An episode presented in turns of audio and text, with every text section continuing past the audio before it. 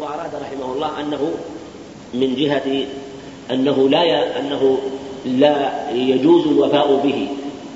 لا يجوز الوفاء به كالحلف لغير الله فإنه باطل ولا ينعقد. هكذا أراد أن النذر لغير الله باطل ولا ينعقد ولا يجوز. ولهذا هو هو وغيره صرحوا بأنه شرك في مواضع كثيرة أنه شرك. ولأن الحلف بغير الله من باب الاستعانة. بخلاف النذر فإنه من باب العبادة. من باب العبادة. وما كان من باب الاستعانة فإنه قد يجوز طلبه من غير الله. وفي أحوال لا يجوز طلبه إلا من الله. فكان من باب الاستعانة والاستعاذة والاستغاثة. هذه أمور من باب الاستعانة به سبحانه وتعالى. فقد يجوز سؤال أو طلب غير الله سبحانه وتعالى في بعض الأحوال يطلب منه هذه الأشياء. إذا كان حاضرا قادرا. أما إذا كان غائبا أو ميتا لا يجوز الطلب بأي حال مطلقا. إنما يجوز في حال الحضور بشرط القدرة. بشرط القدرة. وإلا لا يجوز. فإنه إذا طلب منه وهو ميت أو غائب أو في حال حضوره وهو غير قادر صار من باب العبادة لم يكن من باب الاستعانة. كان من باب العبادة ولا يكون من باب الاستعانة. أما النذر فإنه لا يكون إلا من باب العبادة. لا يكون إلا من باب العبادة. ولهذا الحلف بغير الله سبحانه وتعالى شرك أصغر هو بمجرده. لكن يعني شرك في اللفظ شرك في اللفظ.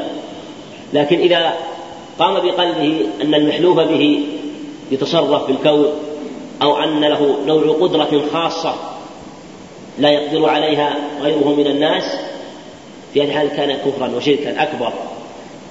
لأنه ظن أن هذا المخلوق فيه سر خاص وتوجه قلبه بهذا القصد عبادة ولهذا يكون كفرا.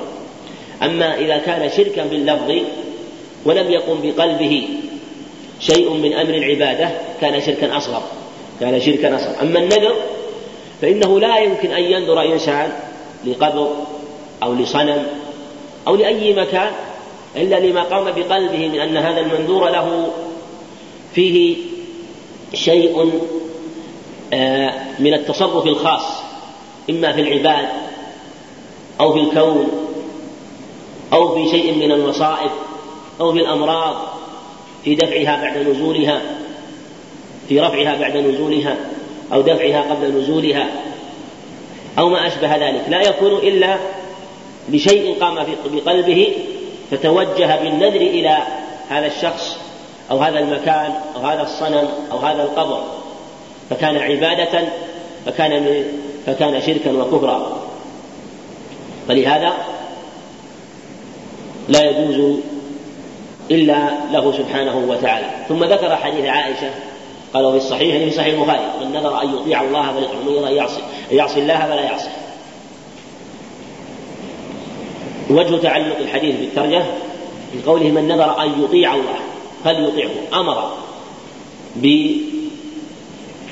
بعمل ما نذره. والأمر لا يكون إلا لأمر مطلوب إما مستحب أو واجب وهنا وجب عليه فدل فكان عبادة فلا يجوز صرفه إلا له سبحانه وتعالى. ومن وإذا كان معصية لا يجوز الوفاء من نذر أن يطيع الله فليطيعه. وهذا فيما كان يعني إذا كان النذر إذا كان النذر في شيء واجب بأصل الشرع مثل أن مثل نذر أن يصلي الظهر أو يصلي العصر أو نذر أن يحج وقد وجب عليه أو نذر أن يعطي الزكاة وقد وجبت عليه. كان وجوب هذا الشيء متأكدا بالوجوب الثاني يعني يكون وجوبه بأمرين وجوبه بأصل الشرع ووجوبه بالنذر. وجب عليه الوفاء لاجتماع الأمرين. وقد يكون نذره مثلا في أمر مستحب في أمر مستحب مثل نذره أن يصلي قبل صلاة الظهر أربع ركعات أو بعدها أربع ركعات أو أن يصلي مثلا آه، الرواتب هذا اليوم. هي مستحبة لكن لما نذرها كانت واجبة. كانت واجبة فتركه لها محرم ولا يجوز. ولهذا لو ترك يعني ترك نذر مثلا آه، آه، أن يزكي ماله وترك زكاة ماله لم يزكي كان عليه إثمان. إثم ترك الزكاة بأصل الشرع وإثم نقضه للنذر. من نذر أن يطيع الله فليطيعه وهذا يدل لما قاله جمع من أهل العلم أن نذر المباح يخير بين فعله وتركه لأنه ليس طاعة ليس طاعة فيؤمر بها. فلهذا يخير بين فعله وتركه. إن فعله فلا بأس وإن تركه كان عليه كفارة يمين لحديث عقبة كفارة النذر كفارة يمين. ومن نذر أن يعصي الله فلا يعصي. هذا يدل على أن من نذر أمرا محرما فإنه لا يجوز. وعليه ترك هذا الشيء. نذر أن يترك الصلاة أن أن أن مثلا نذر نذر أن يترك الصلاة هذا اليوم مثلا والعياذ بالله. هذا نذر محرم ولا يجوز. أو نذر شرب الخمر أو شرب الدخان أو نذر أن يعق والديه أو نذر أن أن يؤذي جاره أو ما أشبه ذلك أو نذر أن يؤذي آه، إنسانا بغير حق أو نذر أن يسب فلانا أو يقذف فلانا أو ما أشبه ذلك أو يفعل أي شيء محرم هذا لا يجوز الوفاء به. نعم. نعم. نعم. فيه يوفون بالنذر. هذا مدح. والمدح هل يكون على على المباح؟ لا ما يغفر الله سبحانه وتعالى لا يمدح على فعل المباح. المباح مباح. ما دام مباحا فلا يمدح على فعله. مثل نذر أن يلبس هذا الثوب دون هذا الثوب. شو ما هو الفائدة؟ نذر مثلا أن يسير مع هذا الطريق بدل هذا الطريق مثلا. نذر مثلا أن يأكل هذا اليوم هذا الطعام ولا يأكل هذا الطعام. مثلا. وأشياء كثيرة. ما هي المصلحة منها؟ لأنه لأن العمل المطلوب ليس في ذاته. لو لو, لو نظرت إلى نصوص الشرع وموارد الشرع وجدته لا ينظر إلى العمل نفسه إنما ما يترتب عليه في مصلحته. وثمرته وعموم منفعته. أما مجرد العمل بنفسه فلا ينظر الشرع إليه. ولهذا ما يكون من العمل مثلا من مشقة وتعب هذا يأتي بالتبع لا بالقصد. والأعمال تتفاضل بما يكون فيها من المصلحة وعموم المنفعة والعاقبة الحسنة. أما نفس العمل مثلا النظر إليه مجردا بدون ما يسبقه ولا يقارنه أو يتعقبه هذا ليس فيه كبير مصلحة فمثل هذا يخير بين الوفاء وبين الترك. أي نعم. نعم.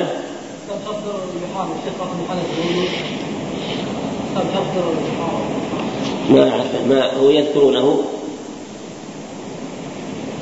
يذكر اسماء هذا يكون يكون يعني نعلم أن مثل هؤلاء صنع الله الحلبي هذا وأمثاله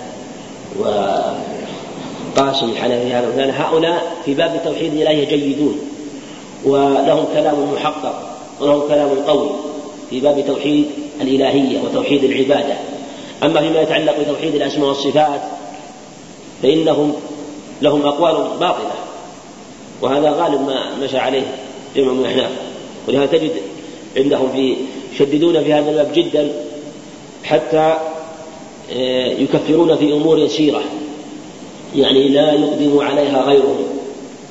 نعم أما يعني الكتاب هذا ما أدري عنه في كتب آه، من الكلام هذا الموجود اللي ذكر عنه نقله ذكره ابن في كتاب البحر الرائق. البحر الرائق. ابن نجيب نعم أما الكتاب ما أدري عنه نعم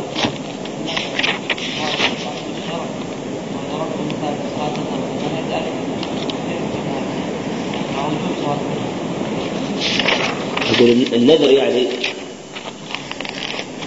أقول الصلاة واجبة صلاة الظهر واجبة بأصل الشرع وإن لم ينذر أليس كذلك؟ إذا نذرها. وجبت وجوب ثاني وإلا لا؟ واجبة. هي واجبة. لكن نذر الصلاة. نذر الصلاة. وإن كانت واجبة. صلاة الظهر أو غيرها من الواجبات. مثل مثلا مثل ما قلنا مثلا الصدقة بالمال غير الزكاة مستحبة. لو نذر أن يتصدق هي مطلوبة مستحبة مأمور بها. الصدقة مأمور بها. لكن لو نذر وجبت وهي قبل النذر كانت مستحبة. الصلاة كذلك. هي قد تكون واجبة وقد تكون مستحبة. فصلاة الظهر قد ينظر العبد قد ينظر أن يصلي الظهر.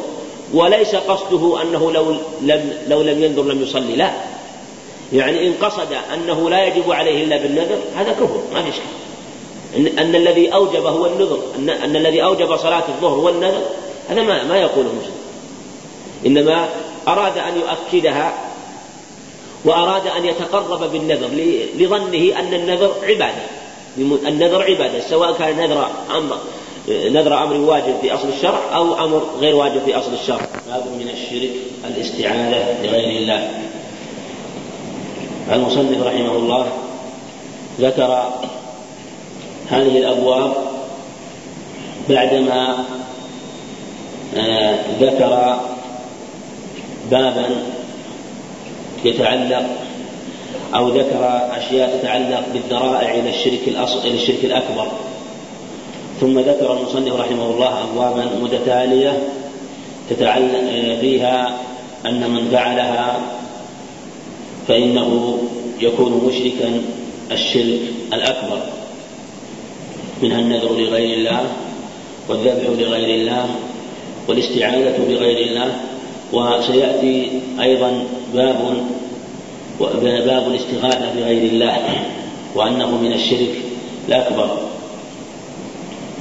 باب من الشرك أن يستغيث بغير الله أو يدعو غيره كما سيأتي المصنف رحمه الله.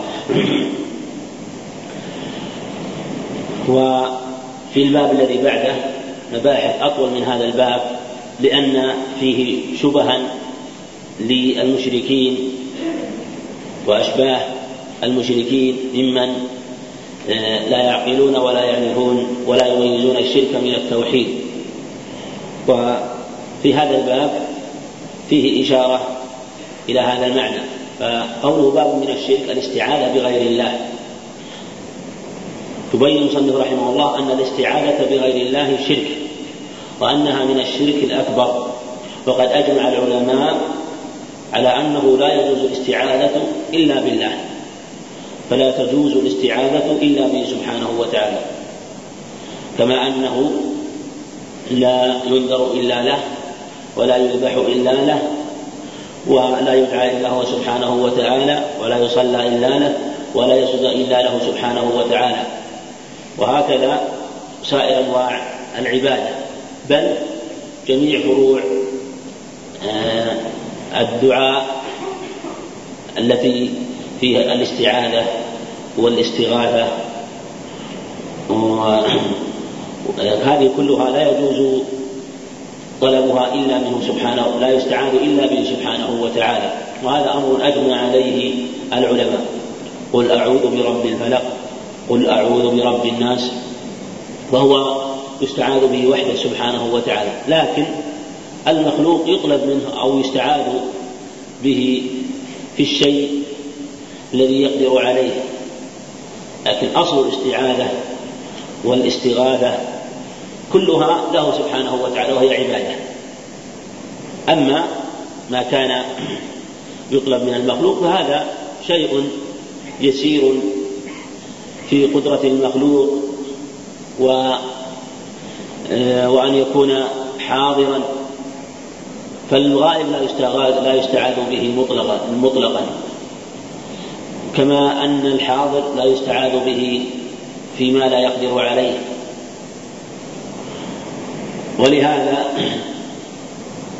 لو استعاذ بالله وبغيره فيما لا يقدر عليه إلا هو سبحانه وتعالى أو قال أستعيذ بالله ثم بك لو أتى بثم استعاذ بغير الله يعني عطفه على الله سبحانه وتعالى كان شركا كان مشركا الشرك الأكبر. ولا تنفعه ثم هنا في هذا المقام. لأنه سأل غير الله ما لا يقدر عليه إلا الله وظن أن هذا الإنسان له تصرف خاص لا يكون لغيره وأنه يسأل هذا الشيء. فلأجل هذا فالاستعاذة بغير الله من الشرك الذي لا يجوز آه، يعني التي لا وهي الاستعاذه التي لا يجوز صرفها إلا هو سبحانه إلا له سبحانه وتعالى. ثم ذكر المصنف رحمه الله تعالى قوله تعالى وأنه كان رجال من الإنس يعوذون برجال من الجن فزادوهم رهقا. يخبر سبحانه وتعالى عن حال المشركين في الجاهلية. وأنهم كانوا يعوذون بالجن ويطلبون منهم أن يحموهم وأن يكفوا آذاهم عنهم. ولهذا كان الرجل من المشركين إذا نزل بوادي بواد أو خاف قوما في مكان مخيف في برية قال نستعيذ بهذا بعظيم هذا الوادي من أهله أو من شر أهله.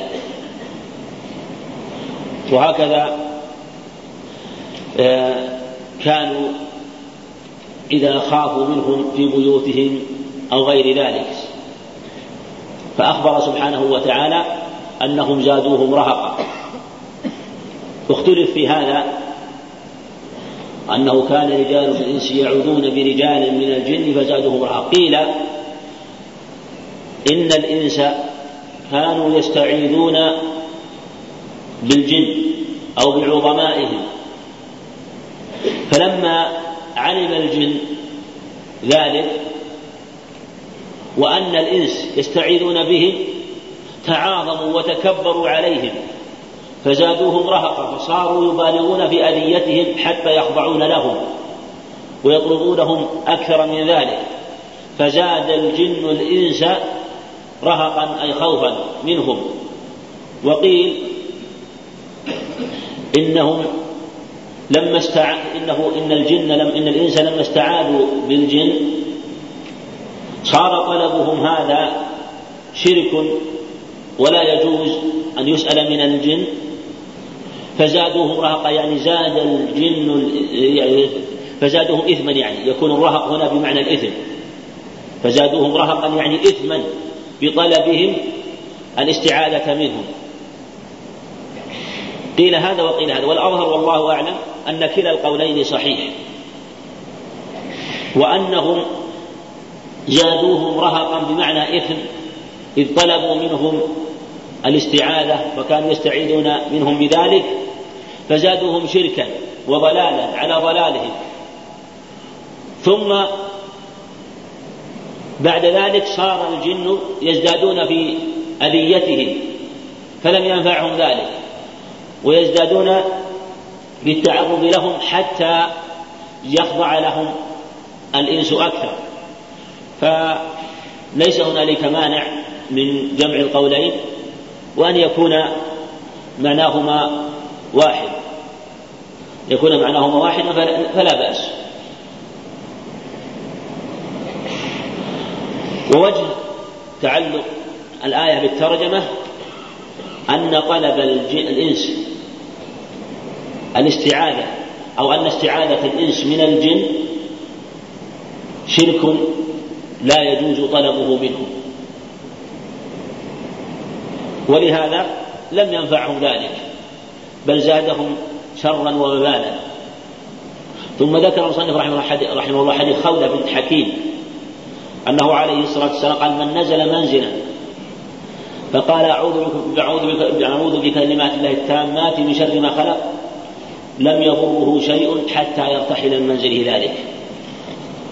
حتى يرتحل من منزله ذلك. هذا الحديث رواه مسلم وأخرجه مسلم أيضا بمعناه من حديث أبي هريرة. رحمك الله. و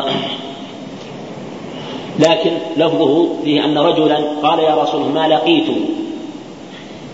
ما لقيت من عقرب. يعني لقيت شيئا من عقرب أو ما لقيت من عقرب لدغتني البارحة. قال عليه الصلاة والسلام أما إنك لو قلت أعوذ بكلمة الله التامات بشر ما خلق لم تضرك.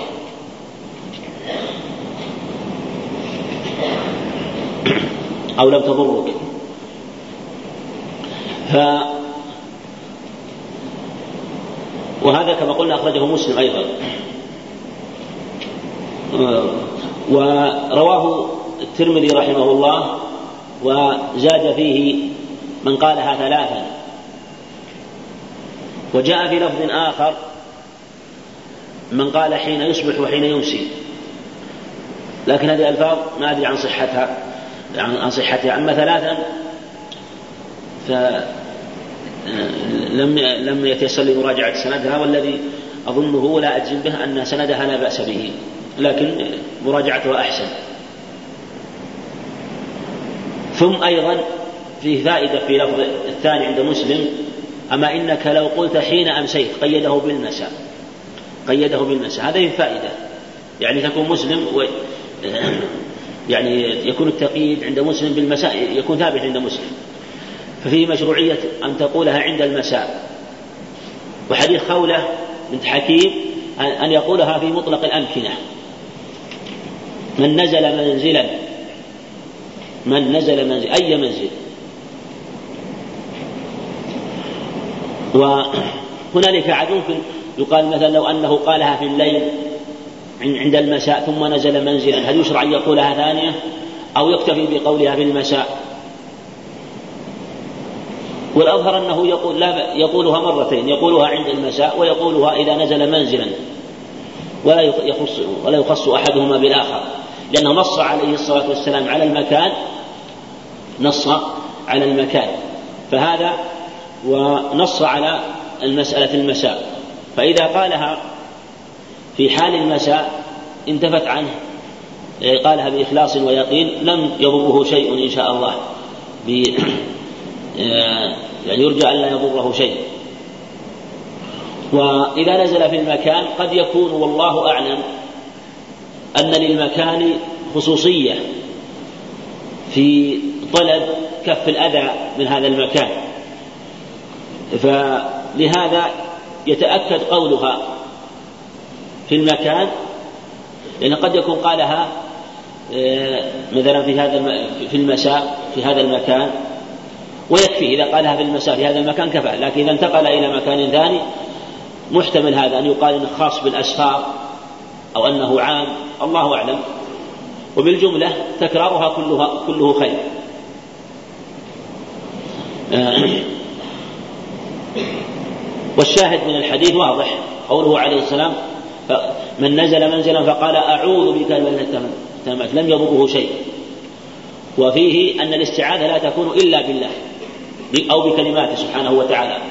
كلماته الدينية وهي الأذكار القرآن والذكر. أما كلماته الكونية سبحانه وتعالى فهي التي لا يجاوزها بر ولا فاجر. كما في الحديث أعوذ من التامات التي لا يجاوزهن يجاوزهن بر ولا فاجر. آه، ففيه أنه يستعيذ بكلمات الله سبحانه وتعالى من شر ما خلق. وهنا ما موصولة وهي للعموم. لكن ليس المراد من الشر المطلق من شر ما خلق على الإطلاق. هنالك هنالك أشياء من المخلوقات لا شر فيها لكنه من باب التقييد. يعني يعني من هنا لما قال في نفس الحديث أعوذ بك من التامات من شر ما خلق. هنا وضح قيده من شر ما خلق من شر الذي خلق. يعني أن فيه أن يستعيذ من المخلوقات التي فيها شر من الدواب والهوام أو من فيه شر من العباد أو ما أشبه ذلك. المقصود أنه إذا قال هذا الدعاء يرجى أن تحصل له البركة وأن يكفى جميع الشرور ثم قوله لم يضره شيء نكرة في سياق النفي. يشمل جميع أنواع الضرر وأنه لا يضره شيء حتى يرتحل من منزله ذلك. وقد يؤخذ والله أعلم من قوله عليه الصلاة والسلام حتى يرتحل مشروعية تكرارها مشروعية تكرارها. حيث قال حتى يرتحل. فقد يقال إنه للتقييد حتى يرتحل وأن ما بعدها يخالف ما قبلها. آه، ولهذا إذا ارتحل من هذا المكان قد يكون قاله في المساء وهو في هذا المكان. فإذا ارتحل من هذا المكان شرع أن يقولها. شرع أن يقولها إذا نزل في مكان آخر آه، أو كان في المساء لحديث أبي هريرة السابق ذكره. نعم.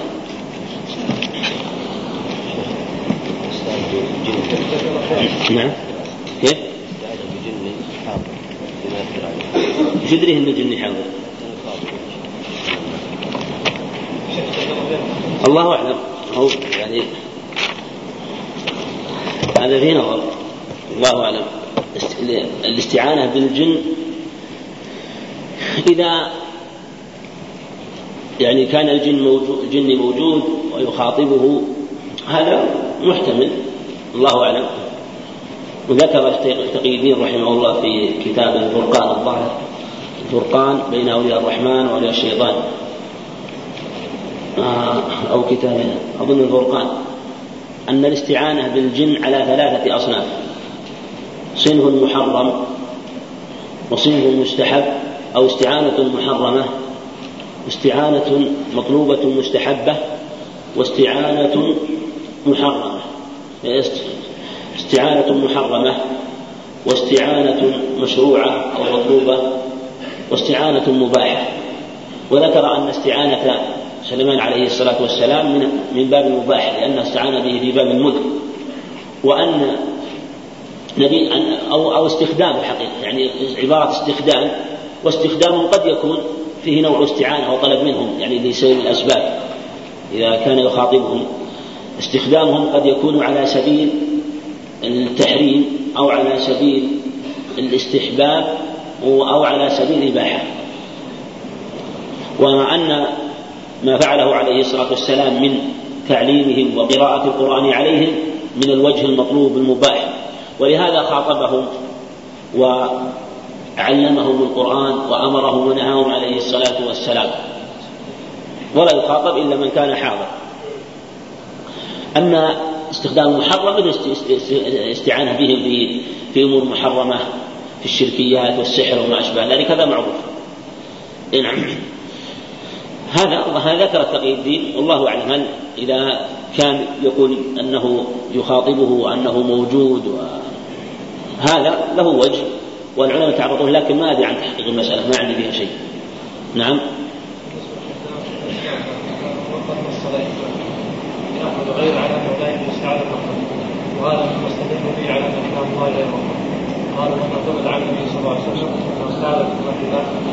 نعم هذا محل إجماع.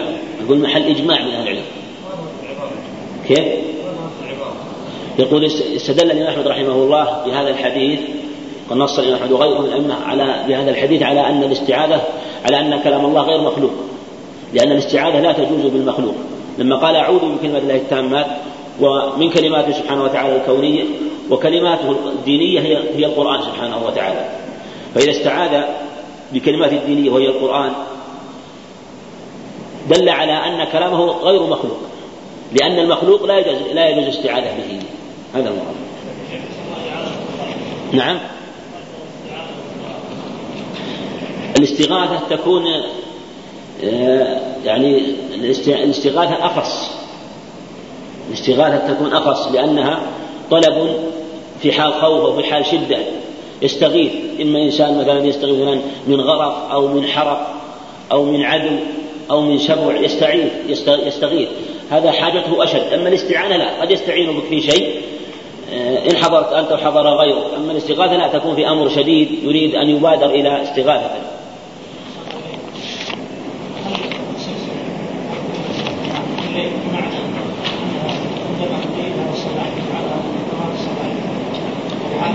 لا الصباح ورد في رواية أظنها عند الطبراني في الأوسط تقييد بالمساء والصباح لكن ما عن ثبوتها. المساء ثابتة في صحيح مسلم قول الله تعالى حتى إذا فزع عن قلوبهم قالوا ماذا قال ربكم؟ قالوا الحق وهو العلي الكبير. الباب هذا كالتتمة لما قبله والتمهيد لما بعده من باب الشفاعة لأن فيه إشارة إلى أن الملائكة على عظم خلقهم وما مكنهم الله من تدبير بعض امور هذا الكون مع هذا يحصل لهم هذا الفزع وهذا الخوف الشديد حينما يريد الله سبحانه وتعالى أن يتكلم بالأمر من الأمور لأجل أن يقضي قضاء أو أن ينفذ أمرا. فإذا أراد الله أن يقضي أمرا وهو بكلامه سبحانه وتعالى كما في الرواية الأخرى يحصل لهم شيء من الفزع كما سيأتي بيانه في الحديث. ولهذا قال حتى إذا فزع عن قلوبهم يعني فزع معناه زال الفزع. فالتضعيف وهو التشديد في زال هنا المراد من الإزالة. مثل ما يعني يعني المراد أزال الفزع. أزال الفزع فإذا زال الفزع والخوف منهم في هذه الحالة يقولون ماذا قال ربكم يقولون ماذا قال ربكم يعني بماذا تكلم سبحانه وتعالى وهذا يدل على أنه يتكلم بكلامه سبحانه وتعالى وأن كلامه غير مخلوق ولأجل هذا قال ماذا قال ربكم قالوا الحق يعني يجيب بعضهم البعض ويقولون انه سبحانه وتعالى يقول الحق وان لم نعلم فكلامه حق وكلامه صدق ولا يقول إلا الحق سبحانه وتعالى وهو العلي الكبير. في صفة العلو والكبرياء له سبحانه وتعالى أو أنه الكبير معنى الكبير الذي ليس شيء أكبر منه سبحانه وتعالى. ففي هذا أن الملائكة كما سبق يحصل لهم هذا الفزع وهم أحياء.